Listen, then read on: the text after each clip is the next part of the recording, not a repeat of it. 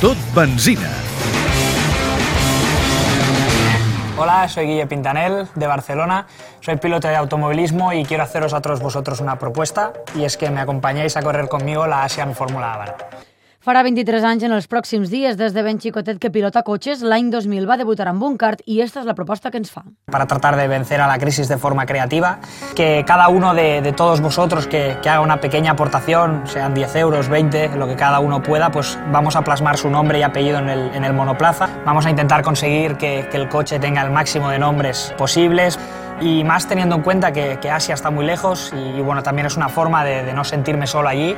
Cuando, cuando, el semáforo se ponga verde estaré, estaré yo solo con el coche y todo vuestro apoyo. És el que ens explica Guille Pintanel en la seva web. Ha competit en guany en la fórmula Renault asiàtica, però no descarta fer algun canvi de cara a la pròxima temporada. Potser ens plantegem un canvi de, de categoria.